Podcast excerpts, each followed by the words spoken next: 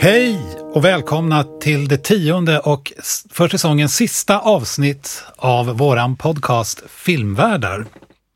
Ja, och idag ser det ju inte ut som det brukar, så att eh, det här är nytt för oss. Det här är helt nytt. Eh, vi kommer att eh, lägga upp detta avsnitt på ett väldigt annorlunda sätt mot vad vi har gjort hittills. För att vad vi har gjort i de nio föregående avsnitten är ju att vi har fokuserat på en specifik film och diskuterat om Precis. och utifrån den. Vad ska vi göra idag då? Ja, men idag så har vi eh, var och en på sitt håll valt ut eh, tre klipp eh, med scener från filmer och vi har väl lite olika valt på lite olika sätt, tänker jag. Men det som också är spännande för oss är ju att vi vet ju inte vad den andra har valt. Nej, så det, det blir ju en överraskning. Så att till skillnad från tidigare när vi båda har sett filmen och är förberedda och också har förberett avsnittet med en slags disposition, så kastar vi oss ut här i, I filmens okända. värld kan man säga. Ja, ja. Kan, men du kanske, vi kanske kan säga någonting väldigt så här, utan att avslöja klipp för varandra och för mm. lyssnarna. Lite generellt om, hur, om det finns någon tanke bakom hur man har valt ut de olika, mm. olika klippen. Hur har du tänkt med dina tre? Jo, men jag kan ju säga när, när det här var ju ditt förslag och när du först eh, sa det så tänkte jag så här, ja, det finns ju en scen som jag sk verkligen skulle vilja diskutera, som jag tycker, alltså det är den, den som har knockat mig det här sista filmåret, som väl kanske är de två sista åren då, för det har ju varit så konstigt med pandemin och alltihop. Uh, och det är ju slutet på uh, filmen Les Miserables från 2019. Ah. Det hade jag velat prata om. Men man kan ju inte prata om ett slut på en film. Vilket alltså jag ju... kan säga att jag kommer att göra då, då men okej. Okay. Ja. ja. ja, men eh, jag kände att slutet på den filmen, det är ju så starkt också för att det är hela filmen som har lett upp till det. Ja. Så att man sitter ju där och bara shit, vad hände nu? Mm. Och den, det gjorde så otroligt starkt intryck på mig så jag hade väldigt gärna velat prata mm. om det. Har du någon sån här scen du Uh, ja, jag hade, och, och det var ju någonting som egentligen kom från ett helt annat håll än, än det som motiverades när du berättar mm. om det här klippet då, från Les Misérables. Och det är en film som jag fullständigt bara kan se om och om, om och om igen och det är ju bröderna Coens Big Lebowski. Mm. Och där kunde jag typ plocka vilken scen som helst. Ja. Uh, men det finns en fantastisk scen där de är, eller det finns flera i bowlinghallen och det finns en, en, en annan person de tävlar mot som heter Jesus. Mm. Och en liten ordutväxling där som jag mm. tänkte att den där, den, den bara måste jag ha. Men det blev inte så sen, utan för det blev, jag tänker så att det kanske har varit för dig så också. Alltså det finns mm. andra scener också. Jag tänkte på den här Kapernaum till exempel, filmen mm. som kom för några år sedan. Som, ja.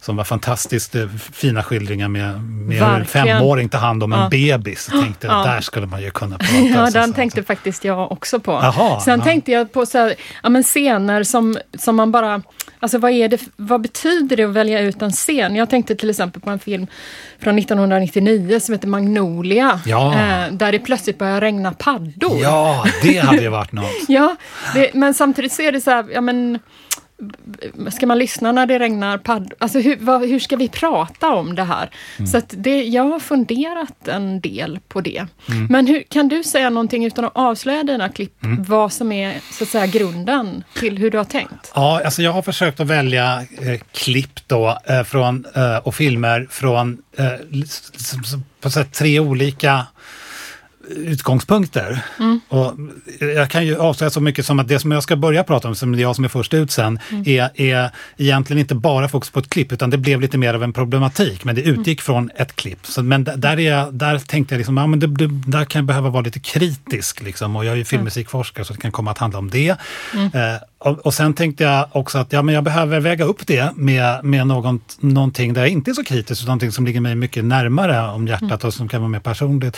Och sen mm. kände jag att eh, jag behöver också i det här avslutande avsnittet idag på våran podd första eh, säsong bara prata, ta, ta en filmscen som jag bara känner så här, jag, jag, jag går inte in och analyserar den så mycket, utan för mig mm. upp, ger den uppåt till en mycket stark känsla av, mm. som jag inte kommer att avslöja nu, men som bara mm. verkligen är någonting mm. som jag har gått in i många gånger, tycker är helt mm. fantastiskt.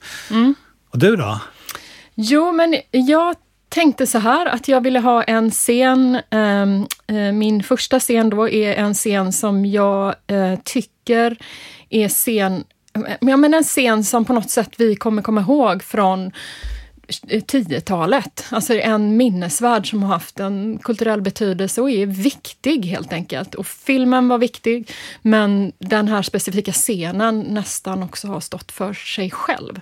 Så att jag ville liksom ta någonting som var ganska aktuellt och som på något sätt är, är kopplat till vår samtid. Då. Sen eh, har jag valt en film, jag ville också ta en film som är äldre en gammal film, men som jag tycker har resonans i dagens tid och som faktiskt kan säga oss någonting om dagens tid och mm. som också är lite rolig, helt mm. enkelt. Mm. Och mitt sista klipp är Um, också ett väldigt personligt klipp där jag skulle vilja prata lite grann om att filmer, vi har ju dissekerat uh, filmer här och pratat om hur man kan analysera och plockat ut klipp och så. Men uh, lite i likhet med dig, fast från ett lite annat håll då, skulle jag vilja prata om ett klipp um, från en film som betydde enormt mycket för mig när jag var väldigt mm. ung och mm. faktiskt på något sätt mm. räddade livet på mig. Det är kanske mm. lite dramatiskt, men, mm. men som faktiskt betydde mycket och där jag tänker att film kan, kan ha en väldigt stark personlig betydelse. Det kan skapa fantasivärldar som tar med oss någon annanstans och ibland behöver man det Ibland behöver man det. Det kommer bli väldigt bra för att jag tror att våra två sista klipp kommer att vara um, sådana som vi har valt utifrån lite samma, fast de mm. kanske handlar om olika typer av känslolägen och sådär. Och ja. har betytt olika för, för, oss på olika perioder i våra liv och sådär. Men så mm. det blir, tänk tycker kanske att vi ska börja ja, med det, det här första klippet. Ja, och då, vi kastar oss ut. Ja, jag känner mig gärna som en förrädare här. Men jag ska ju berätta för alla som lyssnar på det här att jag har faktiskt förberett Katarina på det här. Att jag fick då frångå lite grann med att ta en scen. Utan det hamnade då jag i en liten, snarare reflektionsproblematik. Eh, och mm. den ska jag försöka ta lite koncentrerat här. Jag är mm. filmmusikforskare och äh, äh, jag eh, som filmmusikforskare så studsar jag ganska ofta på just förstås hur filmmusik används. Mm. Och ett sätt som jag kan studsa på hur filmmusik används är när, när filmmusiken bidrar till att skapa stereotyper mm. eh, som kan vara eh, ofarliga men ibland också som kan vara mycket problematiska. Och jag skulle vilja prata kort om en sån stereotyp som går genom filmhistorien, mm. genom att illustrera den med två två klipp, det blir sammanlagt tre klipp, men med mm. två olika filmer. Mm. Spännande. Ja, och den första filmen, klippet, det kommer, det är alltså från filmen uh, Stagecoach mm. som, från 1939 som uh, regisserades av John Ford. Och det här var mm. också den film som blev John Waynes genombrott. Mm. Och vad vi ser i den här scenen, uh, som är kort, det är en diligens, diligens säger man så, som åker över prärien, Mm. Eh, som dras av hästar då, kör över prärien. Och på den diligensen så sitter det då, som eh, jag förstår det, är ju alltså vita nybyggare, vita människor. Okay. Sen panorerar kameran eh, till vänster och då får man se på, uppe på en bergstopp, eller på ett mm. krön, så står en massa eh, native americans, det som mm. man kallar det då i westernfilmer för indianer. Och eh, de är väldigt hotfulla. Och mm. eh, det här klippet är intressant för att eh, musiken också hjälper till att skapa en skillnad mellan hur vithet representeras och icke-vithet representeras. Mm. Och då låter det så här.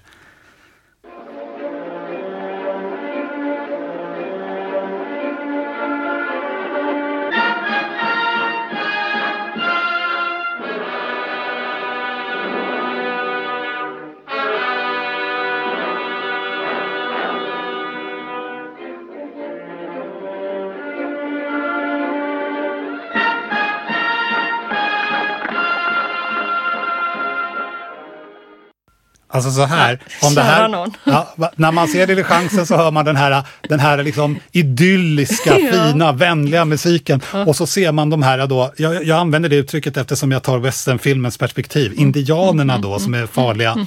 Eh, och då kommer det dut, dut, dut. Och som om det inte räckte så upprepar man det här en gång till. Så då panorerar man till höger och då är diligensen där, då blir det fint. Och så tillbaka. Eh, och det här är ju ett sätt att skapa eh, betydelse på i film där man skapar betydelse genom skillnad så att säga. Precis, och ja. där musiken ju också får en central roll för att skapa en känsla. Ja. Alltså en känsla av harmoni först och att det är just det här idylliska och sen det här ja, men väldigt dramatiska, att shit, där står de. Ja, precis. Ja.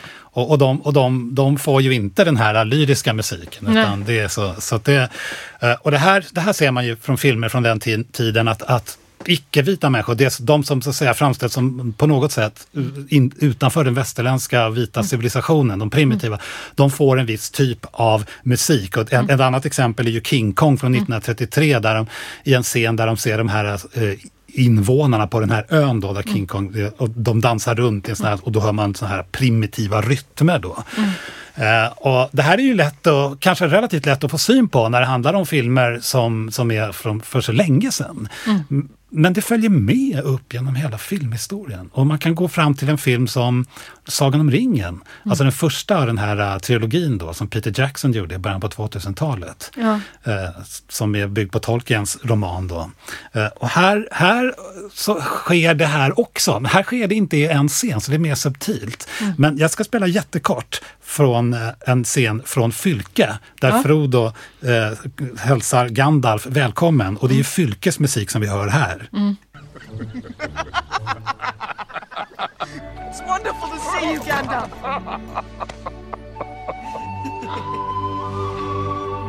You didn't think I'd miss your Uncle Bilbo's. Vi behöver inte spela med. Vi hör den här idylliska musiken igen här. Den, den säger motsvarigheten till ja. Musik. Då. Verkligen. Och de är vita. Ja. Gandalf och Frodo är vita. Mm. Och sen när man ser bilder då, som vi ser framför oss nu på klipp och fylke, så ser det mm. ut som en sorts Teletubbiesland. Liksom ja. ja. Vackert. Ja. Eh, sen så är, finns det andra typer, kategorier av, av varelser i den här världen som får en helt annan typ av musik. Mm. Och en av de kategorierna, kategorierna, en av de typerna av varelser är de här ur urukhajerna som Sauron framställer i sina grottor. Mm. Och de är ju, de är ju lite, lite obehagligt lika, alltså de är ju för det första väldigt mörka i skinnet. De, är alltså, de skulle klassas som icke-vita. Mm. Sen är de sminkade liksom i ansiktet på ett sätt som för tankarna till kanske till aboriginals. Eller sådär. Så de, de, de definierar sig som icke-vita. Och här har vi igen då motsvarigheten. De, de, de får en, så att säga, en, en filmmusikalisk trop som går tillbaka till Stagecoach och, mm. och, och, King Kong. Vi kan dra väldigt kort här också. Ja.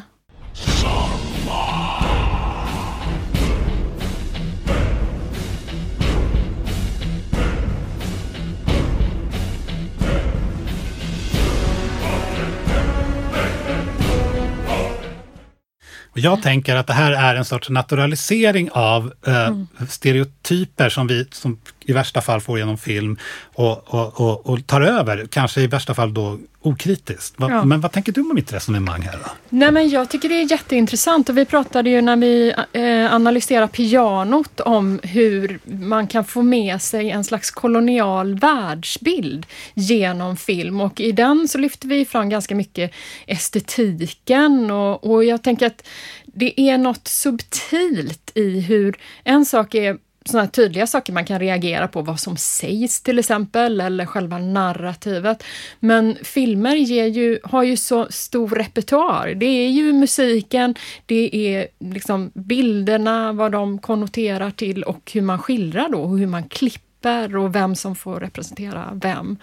Mm. Uh, och det är så mycket vi kan få med oss in där som formar vår världsbild. Mm. Som gör det ju otroligt viktigt att faktiskt försöka titta på sånt där och mm. medvetandegöra. Mm. Jag vet ju när jag såg Sagan om ringen att vi pratade om det hemma där att de här slagen och så kändes ju också väldigt så kolonial, mm. ja men som en kolonial fantasi liksom, mm. på något sätt. Men det här tänker jag också att det är så viktigt då att få upp ögonen för hur filmmusiken fungerar när den ja. gör det på ett ja. ideologiskt problematiskt ja. sätt. Därför att den sniker, snikar sig in på ett sätt som man ofta inte tänker på och den, den spelar ofta, inte alltid, men ofta en, en, en viktigare funktion än vad man mm. vid första anblicken kanske alltid ser, så att säga. Utan för musik har en tendens mm. till att bara vara musik. Ja.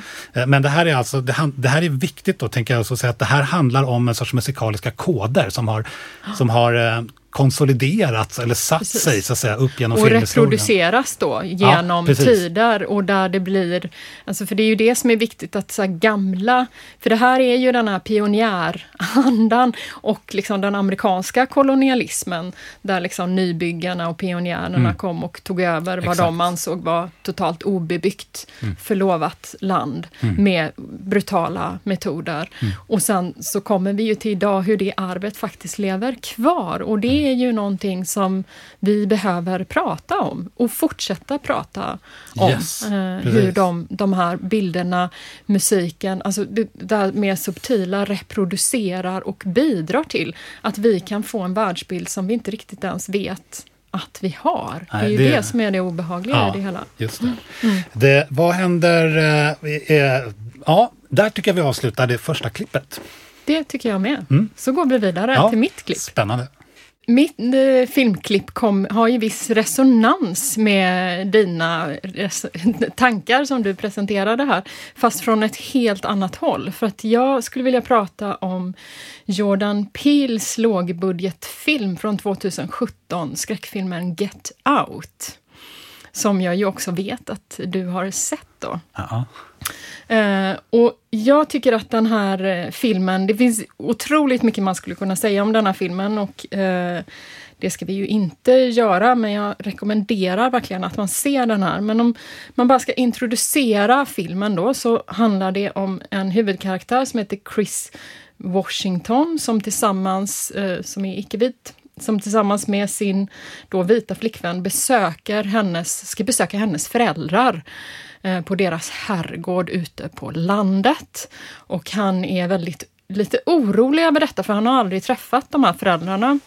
Och han frågar henne upprepade gånger, men vet de, vet de om att jag är svart? Och hon svarar lite undvikande att mina föräldrar är så toleranta och min pappa han skulle röstat på Obama en tredje gång om han hade kunnat och så vidare.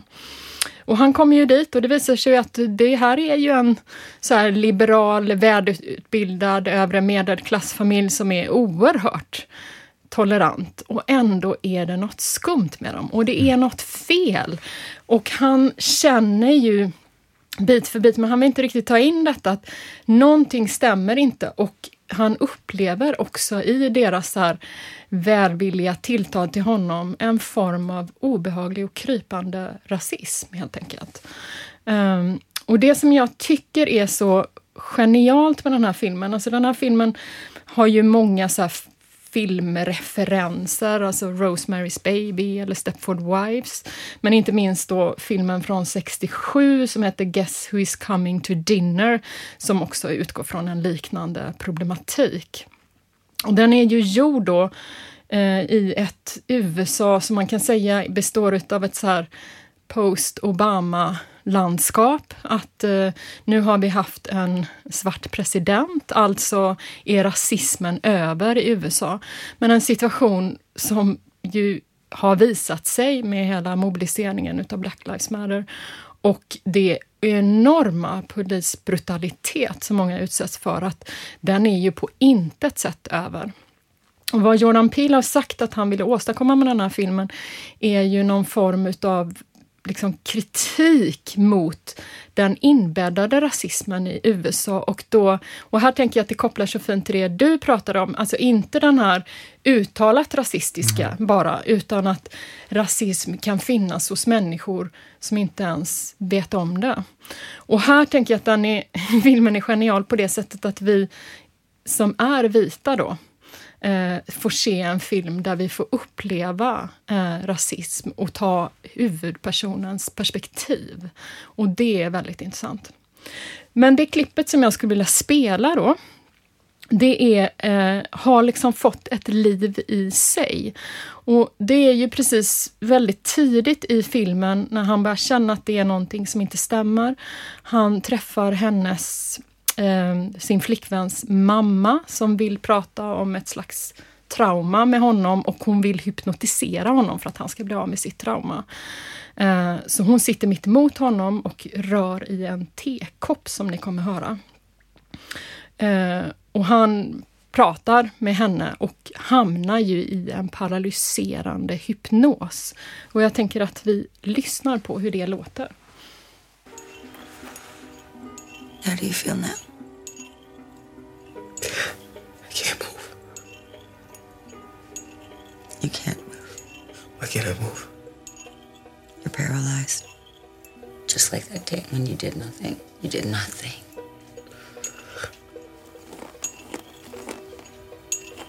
Now, sink into the floor. Wait, wait, wait, wait, wait, wait. Sink.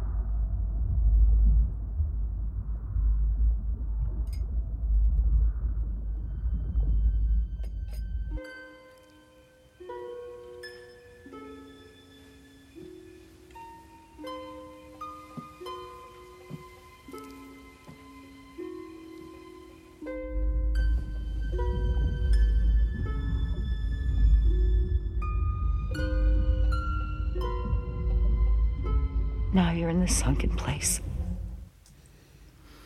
Ja, now you're in the sunken place. Vad är det vi får se i det här klippet, Tobias? Ja, hon hypnotiserar honom va? Jag har Mm. lite vaga minnen av filmen. Men, och, så, och så är det att han faller liksom ner genom golvet men han faller också in i sig själv och så ser Ja. han henne ut, ut, inifrån sig själv men han är liksom helt som instängd i sitt eget fängelse på något sätt. Ja, men precis. Han, han, och det är som att han flyter runt i ett tomt universum Ja. och tittar ut. Men, och man får ju också se hur, han, hur det kopplar tillbaka till honom där han sitter mitt emot henne förstelnad med tårarna rinnande. Alltså Daniel Kaluuya som spelar honom, han spelar ju enormt bra i den här rollen.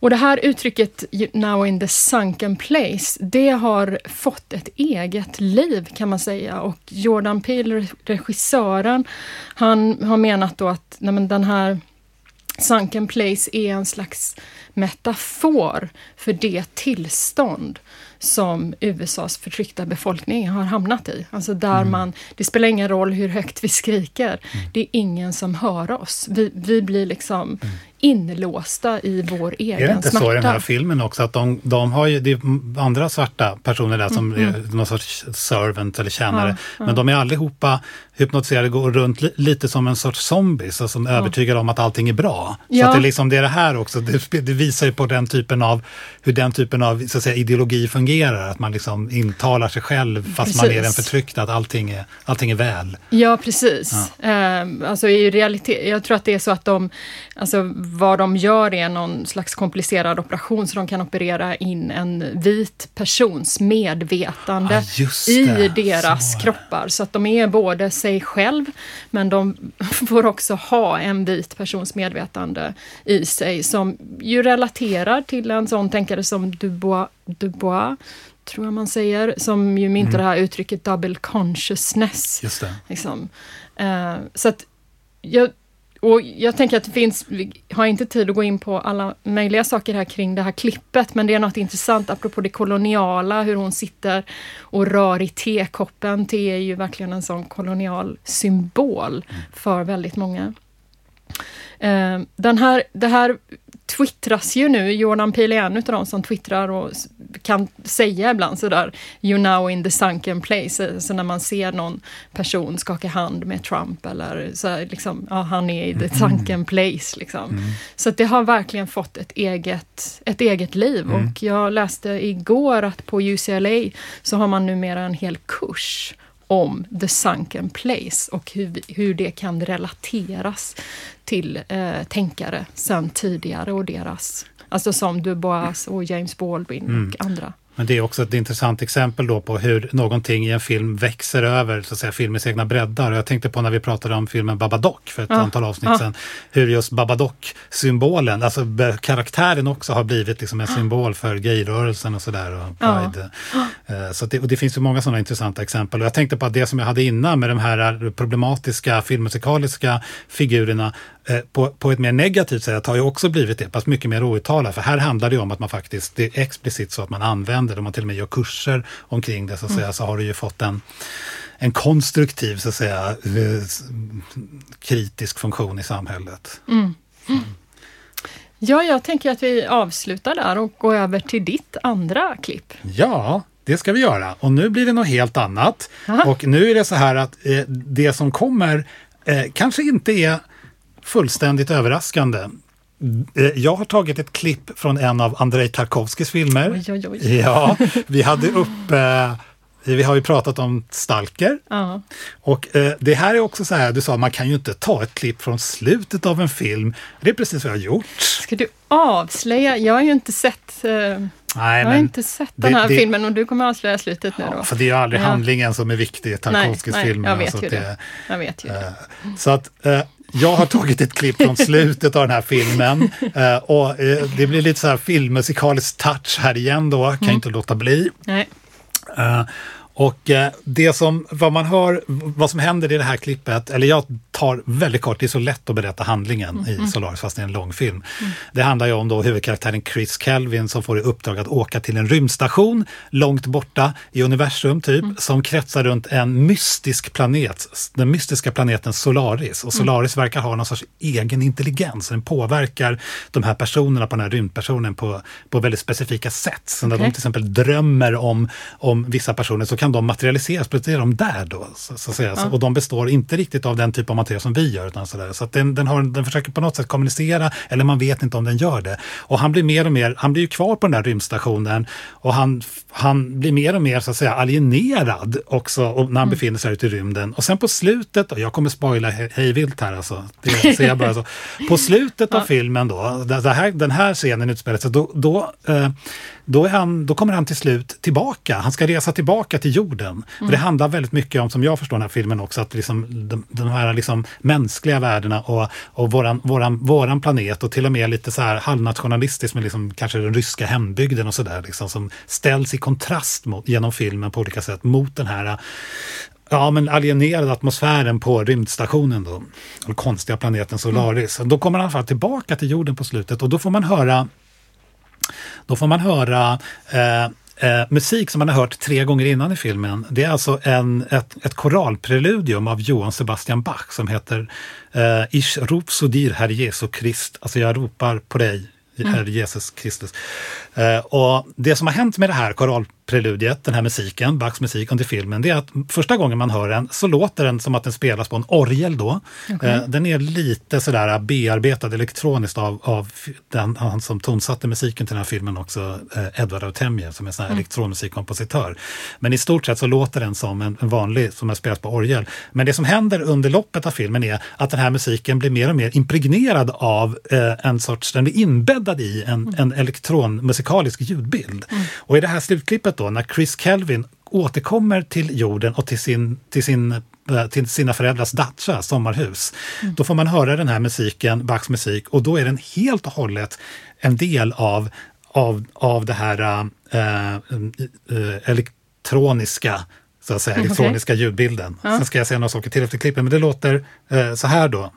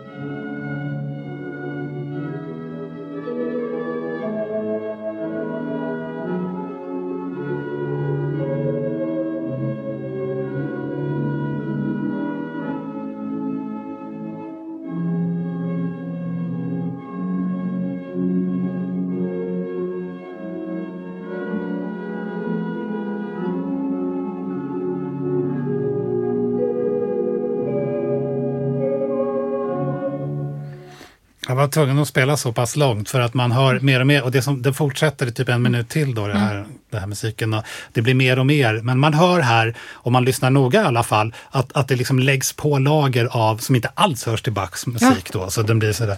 Och, och det som är grejen då med filmens slut här, och det här är ju megaspoilern, det är ju att eh, han är inte alls tillbaka på jorden. För det som händer är att han, ser, han går fram till huset och så ser han sin pappa där, stå där inne och liksom, han ser genom fönstret då och håller på med olika böcker i bokhyllan. Och så plötsligt börjar det regna inomhus, jättekonstigt.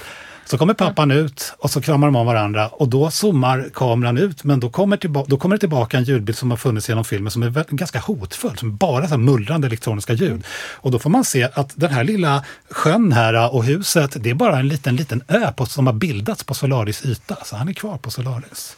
Eh, och det, men det jag vill säga också här... jag- mardröm. Ja, det är lite av en mardröm. Men samtidigt så har det tolkats väldigt olika som en sorts Okej. befrielse. Eller att, eller att det, här, det här främmande eh, intelligensen Solaris och det jordiska har på något sätt blivit en syntes och sådär. Så Okej. där är så här, Tarkovsky-forskare oeniga då. Eh, Men det är en sak till med den här musiken här för mig som är väldigt spännande. För man, ibland pratar man då om eh, preexisterande musik i film, pre-existing music. Det är alltså musik som har tagit till exempel från den klassiska musikrepertoaren som fanns långt innan filmen gjordes, som till exempel Bachs musik. Och så använder man den i film, till skillnad från originalkomponerad musik för film. Eh, Men här, nu har man också på senare tid bland filmmusikforskare pratat ibland om post-existing music. Och det här, det här preludiet för mig, det har jag lyssnat på mycket, långt innan jag såg, eh, såg Solaris. Men efter att ha sett Solaris många gånger så har det här eh, Bach-preludiet för mig blivit post-existing music på ett sånt sätt att det är inte längre, kan, det kan aldrig någonsin bli bara Bachs musik för mig, för det är Nej. Bach Tarkovsky. Så att jag har blivit omformad i min upplevelse av den här musiken som också har blivit på något sätt cinematisk, en sorts cinematiskt lyssnande som jag har blivit inskolad i genom att se den här filmen så många gånger. Så det betyder för mig någonting med Solaris. Det går inte att skilja, det går inte att ta bort Nej. det. Liksom. Så jag kan aldrig någonsin lyssna på den här musiken som, som säger ren, ren konstmusik, man ska säga så, längre. Och det tycker jag är fascinerande, hur filmer också, det är ytterligare ett exempel på hur filmer kan betyda så mycket över sig själva. Ja, och jag tänker det kopplar ju också tillbaka till det avsnittet där vi pratade om Stalker och hur den filmen faktiskt på något sätt kunde förändra och påverka ens verklighetsupplevelse. Så att man ibland känner att men det här är, ju- det här är ju zonen. Ja. Nu är jag i zonen. Alltså att man nästan bär med sig filmen som ett extra lager på verkligheten. Ja. Och det är ju det här som jag tror att kanske Tarkovskys filmer, man, man kanske inte ska säga att andra filmer och andra regissörer inte gör det alls, men som Tarkovskys filmer gör det, som jag tycker i större, eller i högre grad än alla andra filmer, att de på något sätt blir mycket mer än en film. Eh, Så man Ja, men de sig- ändrar ju någonting i, inombords Ja. i en. Det är därför jag har sett de här filmerna i så långsam takt. För Ja. att hinna med det där och se, dem, se samma film många gånger och låta det här ske. Men du vet det va Katarina, att du antagligen om Tarkovsky hade levat och känt till hur du tittar på hans filmer, så du hade varit den absoluta idealåskådaren eller ideal eh, Ja, jag, jag inbillar mig ju att eh, Stalker är gjord för mig. Det är den ju, den är ju gjord för dig. Ja. Sen råkar den vara gjord för mig också. ja, men, sådär. det är sånt, eh, jag vill ha den för mig själv. Ja, precis. Så är det. Du får ha den för dig själv. Det går. Och jag kan också ha den för mig själv.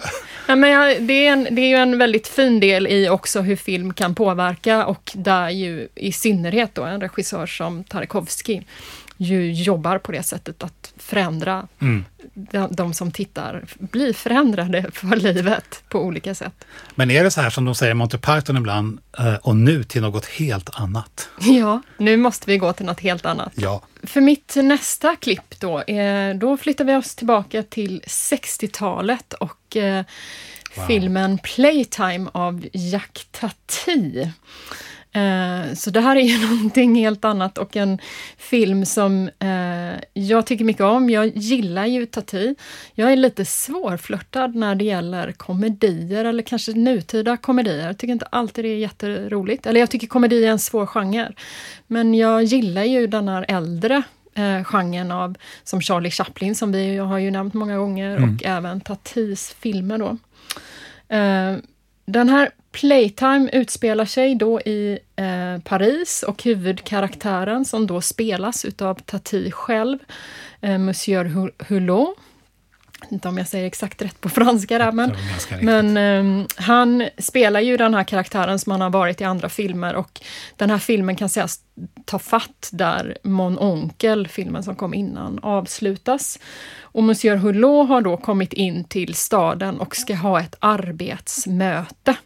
Och Monsieur Hulot är ju en huvudkaraktär, men han är ju också väldigt anonym. Eh, och det finns också en poäng i det. Vi ser eh, i, under filmens gång så ser vi väldigt många Monsieur Hulot och han blir också misstagen. Alltså det är människor som knackar personer på axeln och säger Hulot, Hulot! Och så vänder det sig om och så är det någon helt annan. Så att man skapar, det skapar någon slags illusion av att den här Monsieur Hulot finns överallt men ändå ingenstans. Så att jag tänker att det handlar om att det, vi är alla Monsieur Hulot. Och han är ju en person som skapar lite kaos omkring sig för att han förstår inte riktigt det här moderna Paris med alla dess glasbyggnader, höga hus, otydliga arkitektur kan man väl säga med sina långa korridorer och vad man inom forskningen då brukar kalla för abstrakta rum. Alltså rum där det är otydligt. Filmen inleds på en flygplats men det tar flera minuter innan man fattar. Man tänker sig, är det här sjukhus? Är det en bank? Eller, alltså man fattar inte vad det är för plats. Um, så att Monsieur går runt på de här platserna och är ganska vilsen. Ehm, det blir också många sådana här tillfällen när mm, han går in i väggar eller han går fel, han går vilse. Och hans försök då att träffa den här personen han har ett möte med blir väldigt, väldigt svårt och misslyckas ju så småningom. Eh, så att när vi får träffa Monsieur Hulot då, eh, i den här scenen som jag ska spela, då har han blivit anvisad eh, att sitta i ett väntrum. Och ska säga någonting om, bara för att guida in er i just den här scenen, så jobbar Tati väldigt mycket med att å ena sidan skapa de här eh, väldigt raka linjerna, eh, glasrummen. Han har en slags färgpalett som är mycket i gråtoner, det finns lite blåa och beigea toner. Och det är också kläder som alla i filmen har, alltså det blir liksom en... Eh, det går, filmen går i de här eh, tonerna. Eh, och i kontrast till det finns ju ljuden då. För om man säger, tänker att arkitekturen har någon slags svalhet och stilrenhet, så är ljuden alltid där och stör och lite upptonade. Så man har ständigt knarrande dörrar som öppnas, man har fotsteg. Eh, och i den här scenen då, som vi kommer in i, så har Monsieur Hulot försökt göra sig själv bekant med det här väntrummet. Han vet inte vad han ska hitta på. Väntrummet har också någon slags ton eh, som vi kommer att höra. Och han försöker förstå sig på stolarna där, för att när man sätter sig på de här stolarna eh, så gör de ett flämtande ljud. Och när man ställer sig upp så flämtar de igen. och han sitter, eh, och precis på den scenen som ju du nu ser då Tobias, så, så kan man se att eh, Monsieur Hulot sitter och försöker undersöka den här stolen. Var kommer de här flämtningarna ifrån? Och ut eh, ur eh, ett rum då, stiger en man som träder in i väntrummet med en annan slags självklarhet. Medan Monsieur Hulot känner att han fattar inte vad han gör där, hur länge han ska vänta, vad som ska hända näst. Så är den här personen och visar den här personen i all sin ljudlighet att han är fullständigt bekväm i rummet eh, och vet vad han håller på med. Så jag tänker att vi lyssnar på detta. Mm, thanks.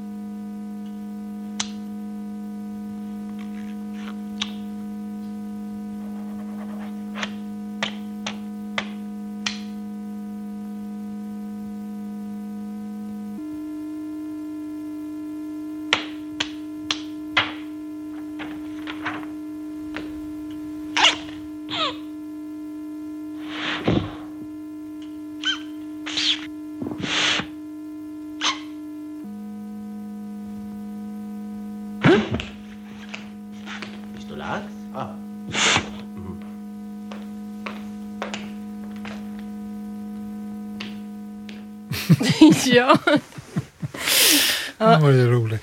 Jag har inte sett den här filmen. nej. Ni som eh, inte heller har sett filmen, eh, så bara det här klippet finns ju att se på Youtube om man vill. Då, och det heter Waiting Room från Playtime.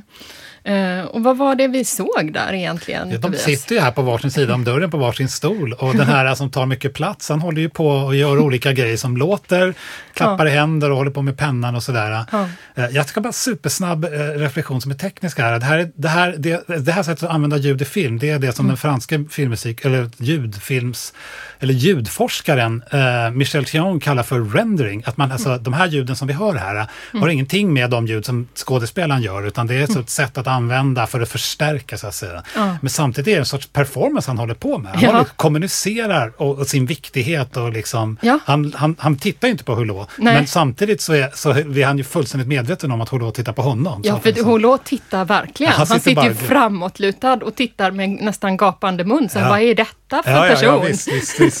är det så man ska bete sig här?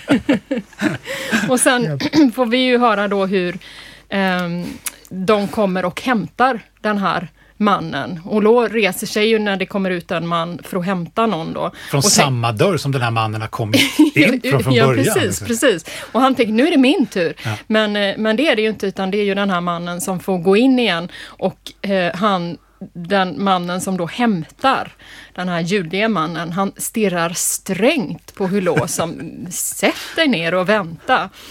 Eh, och den här filmen är full utav sådana scener. Alltså Ja. Det finns så mycket scener som är helt genialiska, otroligt roliga. Och vad den försöker visa är ju å ena sidan finns det en slags kritik mot en viss typ utav arkitektur eller vad jag skulle kalla för just det som man pratar om i forskningen då, det här abstract space.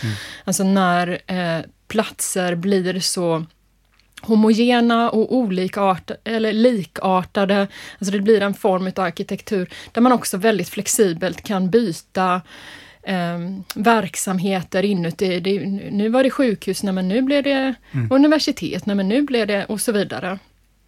Och han försöker ju visa här hur människor både försöker ta sig an de här rumsligheterna, men också att vi kanske inte passar in i de här platserna. Att vi till skillnad från arkitekturen, vi låter ändå, vi tar plats och det blir mängder av missförstånd och, och, men också en viss lekfullhet i hur människor tar sig an eh, rumsligheten. Det finns någon sorts auktoritär struktur över alltihopa också. Någon sorts så här, i- anonymitetens, liksom som man bäddar in i någon sorts modernistisk Ja. arkitektur. Men också de här stora porträtten som vi ser här på väggarna Ja. som för tankarna kanske till liksom Stalin och sådär. Ja. Alltså det, det, det är någonting här. Och de här ljuden blir ju också ett sätt att göra lite motstånd på. Att Verkligen. låta. Ja, verkligen. Ungefär som man inte fick låta i, i klassrummet. Att man inte Verkligen. fick få fnissanfall och skrattanfall Ja. och sådär. Precis, jo men jag tänker han, eh, Tati har ju blivit omtalad som någon som jobbar med vad man brukar kalla för demokratisk komedi. Alltså att vi, vi alla kan känna igen oss i vår egen mänsklighet. Att ja men man är lite löjlig, man snubblar, det blir missförstånd, men vi kan skratta åt oss själva och inte skratta åt varandra då egentligen, utan se våran egen mänsklighet.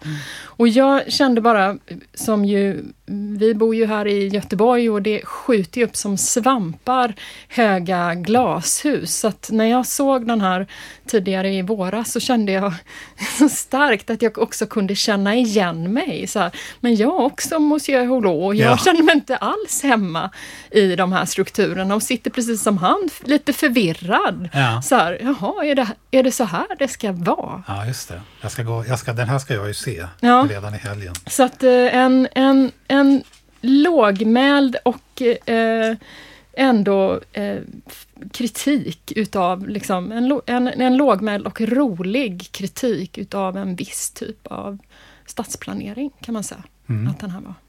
Fantastiskt, vilken scen. Då går vi Vidare. vidare, tänker jag. Då går vi vidare till något kanske delvis helt annat. Här kommer mitt sista klipp. Eh, Du, eh, det blir eh, ytterligare en sån här klassiker här. Jag råkade hamna med klassiker som, som är gjorda av manliga regissörer. Så blev det. Eh, Och det här är också en form av komedi som jag kommer att prata om. eh, Som också har en allvarlig underton.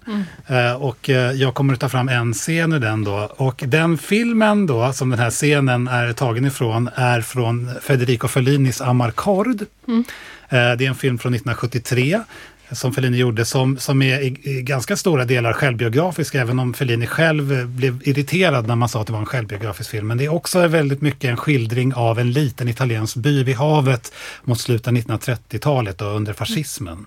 Och det är som ett myller av karaktärer. Det är som en explosion av, eller fyrverkeri av, det är nästan som någon sorts commedia dell'arte ibland. Liksom. Och i centrum för hela det här fyrverkeriet, det är som tablåer som snarare liksom en, en, en handling. Så att säga. Det är som ett år i den här staden. I centrum för hela det här skeendet så står då en familj och eh, framförallt eh, den äldste sonen i familjen som, som heter Titta. Man kan säga Titta. Eh, och den här scenen då som jag vill eh, ta fram. Jag har, jag har inga liksom, djupare analyser här. Jag vill liksom låta det här stå för sig själv kan man säga. Det är, eh, den är en lång scen, den är sju minuter så jag fick ta ut lite litet klipp på ett ställe och ett litet klipp på ett annat. Men det är samma scen. Så Ja. att jag tycker jag håller mig ganska Ja. bra till det här då. Det är, har du sett den här Nej, filmen? jag har inte sett den. Just nu är det tyvärr väldigt svårt att få tag på den. Så att när jag skulle titta på den eh, så fanns det inte på någon streaming och sen så fanns den på ett, ett som heter Daily Motion och där blev det avbrutet varannan minut med eh, reklam för kasino, nätkasino. Och den andra f- versionen fanns på Youtube och var dubbad till finska. Oj. Så det kändes sådär liksom. Så att jag, jag, har, men jag har sett många gånger förut den här då. då. Och ehm, det här klippet då, eller scenen som jag vill ta upp, det är alltså när, när familjen då, den här familjen jag talade om, de äter lunch. Eh, och min pappa som är italienare, eh, han säger att den här filmen är hans barndom väldigt mycket. Okej. Han känner igen den så mycket, så Fellini fångar ju någonting här. Och jag som då har en pappa som är italienare, som har vistas, som har släkt i Italien, eh, har varit med om liknande typer av luncher och middagar som det går till här. Och det här är en helt obetalbar scen. Alltså det är en sån här scen som jag kan se om jag är superledsen över någonting eller inte känner att jag inte mår bra, då kan jag titta på den här scenen och jag blir glad varje gång. Och när vi kommer in på första så säga, segmentet som jag har valt i den här scenen, eh, då eh, sitter pappan som är extremt kolerisk, sitter vi som i kortändan, för det gör Padron då, eh, och eh, börjar, han irriterar sig över allting liksom, här, omkring honom.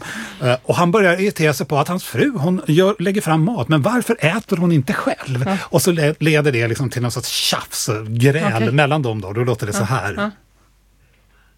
E te non mangi? No, Che cosa avete fatto a vostra madre? Eh? Niente, babbo, niente. non mi hanno fatto niente loro. Ma viva la Madonna, uno s'alza la mattina alle 4, lavora tutto il giorno come un somaro e quando vieni a casa per mangiare un pezzo di pane ti trovi davanti ad alfasi storti così? Così non le vedi più, le facce storte. Signora, è ora di levarlo dal fuoco il bollitore. Sì. Eh, ma come Insomma, pesa? cos'è che c'hai? Non c'ho niente, E perché non mangi allora? perché non mi va di mangiare, Ma perché non ti va? perché non mi va. Chiudete quella porta che fa fresco. Subito, subito. Sono ancora convalescente io. Okej, så slutar scenen här bara, alltså det, det ringer på dörren. Men, men det är alltså, en, det pågår en, en, liksom, ja, men en tjafs mellan honom och då frun som jag sa, me- mellan varför hon inte äter. Han frågar, ma perché non mangi? Och så frågar han liksom, eh, sönerna där och till barnen, sen, vad, har- ni gjort med henne? Liksom, så här, och, så, han är otroligt irriterad över och hon, och hon blir ju irriterad tillbaka, ja, ja hon, men hon har inget svar. Perché non mangi?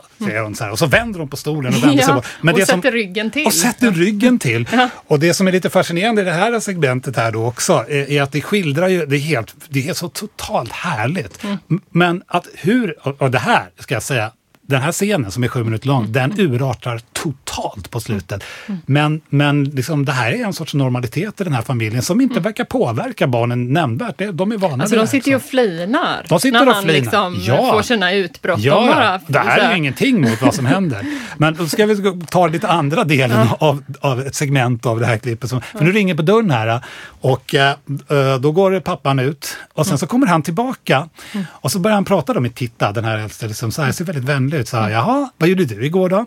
Eh, det man ska veta då är att eh, tidigare i filmen får se att Titta, han har, han har varit och busat då. Han busar väldigt mycket med sina jämnåriga kompisar, så bland annat kissat på grannens hatt. Eh, och eh, då, eh, den här extremt arga av sig kollegiska pappan sitter liksom och, och verkar liksom vara in, intresserad. För Titta börjar berätta om att han var och såg en cowboyfilm. Ja. Och sen mitt i det här så får pappan ett totalt utbrott och liksom jagar, jagar den här killen då ut ur huset. Så det ska vi höra nu. Jag tar fram det nu och då låter det så här. Senti un po', carino, dove sei stato ieri sera? Io? Al cinema, babbo. Al sì? Fulgo. E cosa facevi? Väldigt honungslen röst. C'erano gli indiani nel film e gli americani volevano entrare nel territorio dei Comanci, no? E avevano costruito Här berättar han om filmen då, som han inte har sett. erano messi lì sopra e ci tiravano le frecce. Quante Ah, ne tiravano, babbo? Ne avranno ammazzate. Ma te cosa assassino? Cosa è successo? Okej, pappan sitter och ler och så bara som från ingenstans så kommer det här utbrottet och han springer, han ska strypa honom. ja, Liksom. han jagar ut honom ur huset. Han jagar ut honom i huset, sen till slut kommer han tillbaka. Senare i den här scenen så, så står han och, och liksom vet inte vad han ska göra till med sig själv av ilska. Så han står med den här hatten då som han har fått, som, som sonen har kissat på, och börjar bita i hatten. Liksom han ska äta upp hatten och skriker liksom för sig själv och, och, och urartar fullständigt. Och jag tycker det är liksom, jag älskar den här filmen därför att den är, den är som skildring av, ja men kanske en tid som inte finns längre i Italien också. Och den är naturligtvis en överdramatisering delvis och sådär. Men men just den här scenen också som jag var inne på tidigare, alltså, den, den visar på en film, på en, på en familj som, som kan inrymma det här på ett sätt som är, eh, som, som är, ja men de är trygga i allt det här fast samtidigt är det väldigt jobbiga utbrott de har. Men det blir både glädje och vrede och alltihop på en Ja, gång utan precis. att det hotar familjegemenskapen egentligen då. Nej, precis. Ja. Exakt. Sen, sen är det så, liksom, man behöver närstudera den här scenen, för det är inte bara, alltså, när man hör den så, så missar man ju väldigt, väldigt mycket. För att det finns bland annat en, en eh, eh, brodern till hustrun, eller till frun, till hans fru, eh, hon, han är där också. Han är en sån där lite kollaboratör, om jag minns rätt nu, med, med fascisterna och sådär. Och han är så fruktansvärt irriterad, den här pappan, på, den- på den här uh, svågen då. Så mitt i allt han håller på att bråka med alla så kommer det såna här då, eh, delar av scenen eller liksom segment där han, där han bara liksom, hans blick är helt obetalbar. Han sitter, och, han sitter och glor på den här. Han tycker så illa om den här människan som inte gör, utför något ordentligt arbete som bara hänger omkring där i deras hus. Liksom. Så, Ja. eh, så att det här är ju en film som eh, jag varmt rekommenderar alla att se. Den är helt underbar. Och jag har ingen djupare analys än så. Nej, och jag fick ju inte, jag hamnade i samma position som lyssnarna då, för det fanns ingen text till klippen. Eh, så att vi hängde ju inte riktigt Därför med vad de sa. pratade lite i klippet där, det Ja. kanske man inte bör göra, men, nej, men liksom nej, inte. nej, men det var väl bra. Eh, ja, spännande. Ja. Eh, Så det tycker jag får räcka för, för, för Fellini och eh, det här klippet. Nu, nu är, har vi ett nu har vi ett, eh, Ja. en scen kvar här från en Ja. film som du vet vilken det är och jag vet inte vilken det är. Nej. Jag, jag tänkte prata om någonting helt annat då. Ehm, men också en film som haft stor betydelse för mig, men inte som vuxen person. Utan när jag var 11 år. Så att det här är inte en, en film eh, som jag tänker att jag rekommenderar till alla att se. Men däremot vill jag prata om det här att vi kanske, eller väldigt många utav oss har filmer som betyder någonting och kanske ligger väldigt nära oss och som inte heller är till för att analyseras utan har haft en mer personlig betydelse. Och det här är eh, en film då som bygger på en bok utav Walter Farley. Eh, den gjordes 1979 och Francis Ford Coppola var eh, producent och jag har faktiskt fram till igår trott att han var regissör. Eh, även då när jag var liten. Jag blev väldigt nyfiken på hans filmer eftersom han, hans namn står ju med. Liksom. Men jag såg ju att han, det är Carol Billard som har gjort filmen. Och den här handlar, det här är en äventyrs slash ungdomsfilm kan man väl säga, som handlar om en pojke som är med sin pappa på en båt eh, och på den här båten så lär han, alltså det är en fraktbåt och de är på väg någonstans. Och pojken ser en stor svart och lite skrämmande häst som är väldigt så vild och han blir helt fascinerad av den här hästen. Eh, sen blir det oväder, båten blir skadad och sjunker. Eh, och pojken eh, skyndar sig och släpper ut hästen så att hästen hoppar över räcket. Eh, och pojken hamnar också i vattnet, förlorar kontakten med sin pappa och spolas upp på en strand på en öde ö. Eh, där han snart upptäcker att han och hästen är de enda överlevande från den här eh, färjeolyckan då, så att han har förlorat sin... Eller det vet han ju inte än, men, men det är de enda som finns på den här öde ön. Så han är utlämnad tillsammans med den här hästen. Och det är några scener där de, så att säga, hästen har fastnat på något sätt inledningsvis i några klippor med de eh, repen han var bunden i, så pojken hjälper honom. Och man kan se att de börjar lära känna varandra bit för bit. Och jag såg den här filmen Um, när jag var 11 år och uh, min uh, värld, uh, som av skäl som jag inte behöver gå in på, men hade verkligen ramlat samman. Och jag befann mig också sjuk i hög feber och i påssjuka då, så jag kunde inte prata. Mm. Men hade fått låna en TV med en inbyggd VHS-apparat och den här filmen. Jag var ju också en hästtjej. Um, så att under en veckas tid medan jag är sjuk så ligger jag där ensam och ser den här filmen igen och igen och igen och igen. Och det finns någonting i den här filmen som bygger på en sån eh, barnfantasi. Alltså att bli, hamna på en öde ö, det är en fantastisk vacker häst och den här pojken och hästen utvecklar det här väldigt, väldigt speciella bandet. Och jag tänkte att eh, du ska få se eh, och lyssnarna ska få höra, men det är mest musik ni hör. Men du Tobias kommer få se en scen när den här pojken, de har ju lärt känna varandra och Eh, de är i vattnet eh, och pojken simmar bredvid hästen, men så tar han sig plötsligt upp och det kommer ni att höra och börjar då rida på hästen.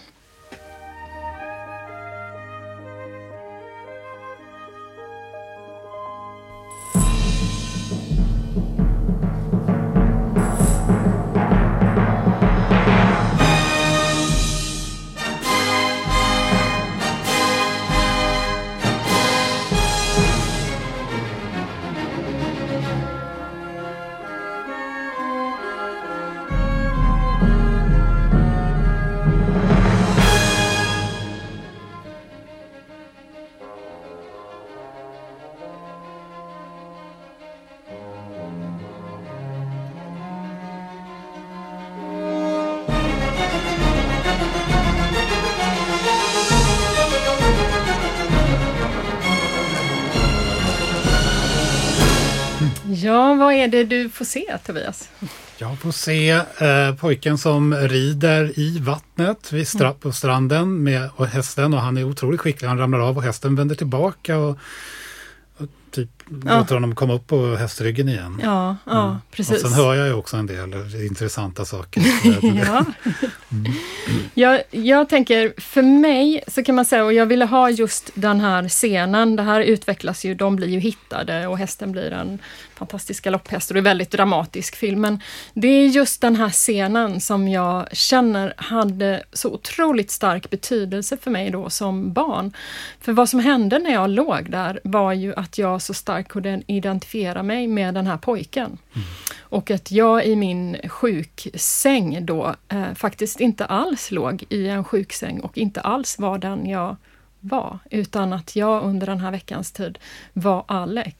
Mm. En pojke som var på en öde ö tillsammans med en fantastisk häst och red längs med, det här är ju liksom solnedgång, det är strand, alltså det är väldigt, om man nu vill dekonstruera det kan man göra det på många sätt, men om man bara tar emot det mm. eh, så är det en film om en väldigt fin vänskap mellan en pojke och ett eh, stort mm. djur.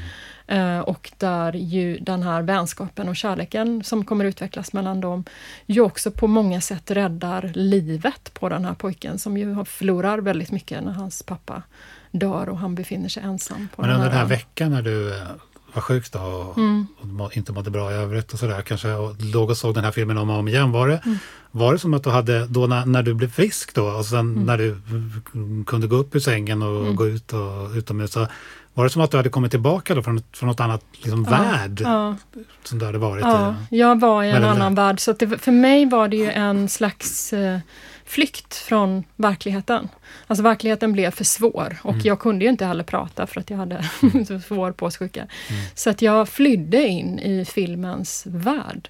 Eh, och den var ju mycket mer storslagen och, och dramatisk på många sätt. Eh, så att, och jag tänker att film kan ju ha just den funktionen och det var därför jag ville lyfta fram eh, det här klippet som inte är en rekommendation att se kanske just den här filmen, eh, som ju är mer utav en, en barn eller ungdomsfilm. Men däremot att vi kanske är många som bär med oss erfarenhet av hur stor betydelse en film kan ha haft i våra liv, som Ja. just den här platsen dit vi går tillbaka till för att hamna i en annan värld. Mm. Alltså jag eh, tänker också, jag har faktiskt inte omedelbart från barndomen skulle Mm. kunna, det fanns ju filmer som jag var väldigt som gav mig väldigt mycket stämning. Mm. Dunderklumpen, den var ju inte så gammal. Sådär.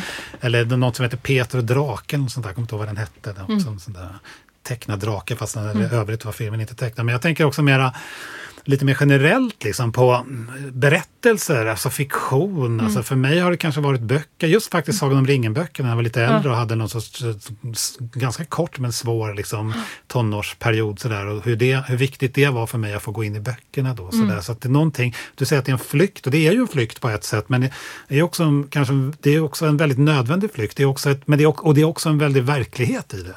Som, som är läkande.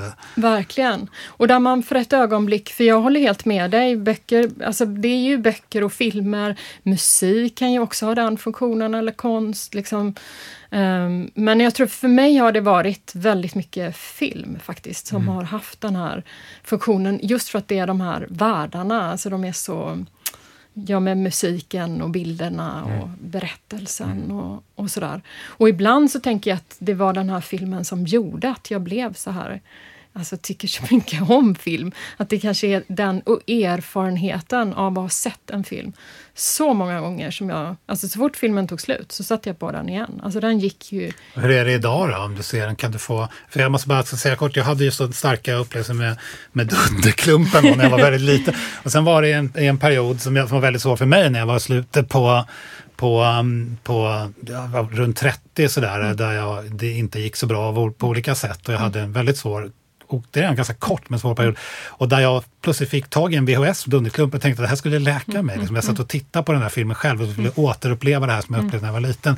Eh, Men då blev det bara på något sätt ännu värre. Jag kunde inte alls gå in i den. Så, sådär. Men då var jag i och för sig lite mindre också när jag såg Dunderklumpen än vad du, än vad du är när du ser den här. Men kan du fortfarande på något sätt, kan den hjälpa dig fortfarande? Nej, jag har inte alls den som hjälp. Jag har ju sett den igen i vuxen ålder och kan ju då också ibland tänka så ja men det här var ju konstigt. Alltså det finns en del eh, saker som jag skulle vara kritisk mot i den här filmen, kan jag ju säga. Men eh, så att den har inte den funktionen. Alltså jag kan ju se, om jag ser de här scenerna, så kan jag ju komma ihåg hur det kändes. Alltså att det kändes som att jag faktiskt satt på ryggen där på hästen. Alltså att jag var verkligen den här pojken. Eh, Så det kan jag komma ihåg. Och, och det är ju inte för att återvända till den känslan, utan det är nog snarare att andra filmer kan få den betydelsen Mm. för mig idag. Att jag vet vad den bety- att, vad, att en film kan ha den betydelsen. Eh, och att liksom, ta emot nya filmer då som så, så som Stalker till exempel, som vi har pratat Ja, om. och vissa filmer som har, som har betytt oerhört mycket för en i någon situation kanske man till och med inte ska se om. När jag var 20 år, du och jag har pratat om det här, jag tror Ja. att du kan ha lite liknande. Då, då var jag eh, på bio och såg, eh, 20 eller 21 år, eh, Döda poeters sällskap. Och jag kom ut från den bion som så här existentiellt transformerad. Det var som Ja. att allt jag fortfarande minns, jag kom ut från det här och, och kände liksom att nu eh, nu börjar med, så här, som konstupplevelse, det finns ju sådana beskrivna också i, i litteraturen. Mm. Liksom, jag tänker på Howard Zend där Helen, en karaktär där har hört Beethovens femte symfoni och kommer ut helt, helt omvandlad. Hon Mm. Ja. har insett liksom vad som, hur livet ska levas och så var det för mig. Eh, Och sen gick det kanske ja, men runt eh, sju, åtta år eller något sånt där, inte Mm. så mycket längre än så. Och då ville jag alltså om och då ville jag liksom gå in i den där. Och det som hände då var att jag upplevde det som en Ja men faktiskt då, som en helt och hållet falsk film. Som att den manipulerade mig. Så att det, Ja. den förlorade allt. Och jag kände så här, varför såg jag om den här? Ja. Varför står inte det här äh, känslan varför lät jag inte den bara få finnas helt så att säga, okontaminerad? Ja. Få finnas kvar. Så. Ja. Så det, Jo men precis, jo, men det, så är det ju med vissa äldre filmer. Jag har ju också sett den, Döda poeters sällskap, men har verkligen känt att den, den vill jag nog inte se igen. nej, gör inte det. Eh, Men till exempel en komedi som Måndag hela veckan, som jag hade en upplevelse av att vi skrattade jättemycket åt på 90-talet, såg jag med min dotter och bara kände, gud det här är ju det mest sexistiska, pinsamma jag har sett. Hur kunde vi skratta åt detta? Det var verkligen... eh, Det var ju inte så att den hade haft en stor betydelse i livet, men, men det är verkligen så att man kan se... Jag tycker tyvärr fortfarande att den är jätterolig. Alltså där känner jag liksom, jag skiter i om den är sexig. Jag kan ju se det, men jag tycker den är så helt så här, det här, ja, mm, jag Ja. vet inte, den är, det Ja, finns nej, någonting den, den bara genialiskt tappade all kraft för Ja. mig. Ja, kan man väl det är säga. olika. Men, men kontentan är väl att vi älskar ju båda film. Eh, och ibland så betyder de starka saker för oss och man vill inte se om det för man vill bibehålla den känslan. Eller man vill gå tillbaka till filmen och se den igen och igen. Och ibland så får man ju det här som de filmerna vi har valt ut till den här podden, att man vill prata om det och dissekera det och se det från olika håll. Mm. Och Och ibland så. har man till och med lite problem att prata med det som Stalker till exempel, framförallt som du hade där. Liksom, Ja. att man hamnar i en sorts, men lite som, Man vill inte förstöra ja, upplevelsen. ambivalent. Liksom, Ja. Hur ska jag förhålla mig till den här filmen? Så Ja. säga. Så att, Och ibland kan det ju vara så att en film som man har tyckt om, när man börjar dra i den så, Mm. så känns den allt mer problematisk som pianot då, som vi pratade om eller sist tvärtom, gång. som, jag, som det var för mig med, med eh, Pans labyrint. Ja. ja. Så att, Och då har vi kommit till slutet på vår första säsong av Filmvärdar. ja, det har vi gjort. Och Eller? vi hoppas ju att det blir en ny säsong. Mm. Så det är ju vår ambition att vi kommer komma tillbaka och eh, med ett gäng nya filmer som vi ska analysera. Men det kommer ju bli en eh, Det var liten... därför jag sa eller. ja, ja, men det är, kommer ju bli en liten bonus. Ja, en liten bonus. En bonusavsnitt kommer någon gång i, efter sommarlovet. Vi ska inte berätta vad, vilken film vi kommer att Jo, prata det om. tycker jag att vi... För nu kan ni ju Det- alla gå och se den på bio. Precis, Mm. Nomadland.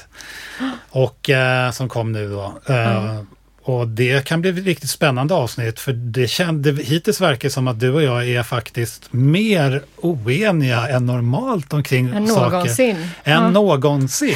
Så att eh, vi kommer att råka i luven på varandra. Vi under, under, från, under den här första säsongen så har vi gått från att sitta i samma rum i studion till att sitta i olika. Eh, på, grund av corona då, ja. Eh, och eh, även om det, det inte finns någon smittspridning alls kvar när vi spelar in det här avsnittet så kommer nog få sitta i olika rum, eller hur Katarina? Och blänga på varandra. Ja, men Ja. nu får vi ändå önska trevlig sommar till alla som har lyssnat. Ja, och Och, jätteroligt att ni har lyssnat och följt med oss på den här vägen. verkligen. Och vi ses, eller hörs ska man väl säga, igen helt enkelt. Ja, det gör vi. Tack för idag. Tack för idag.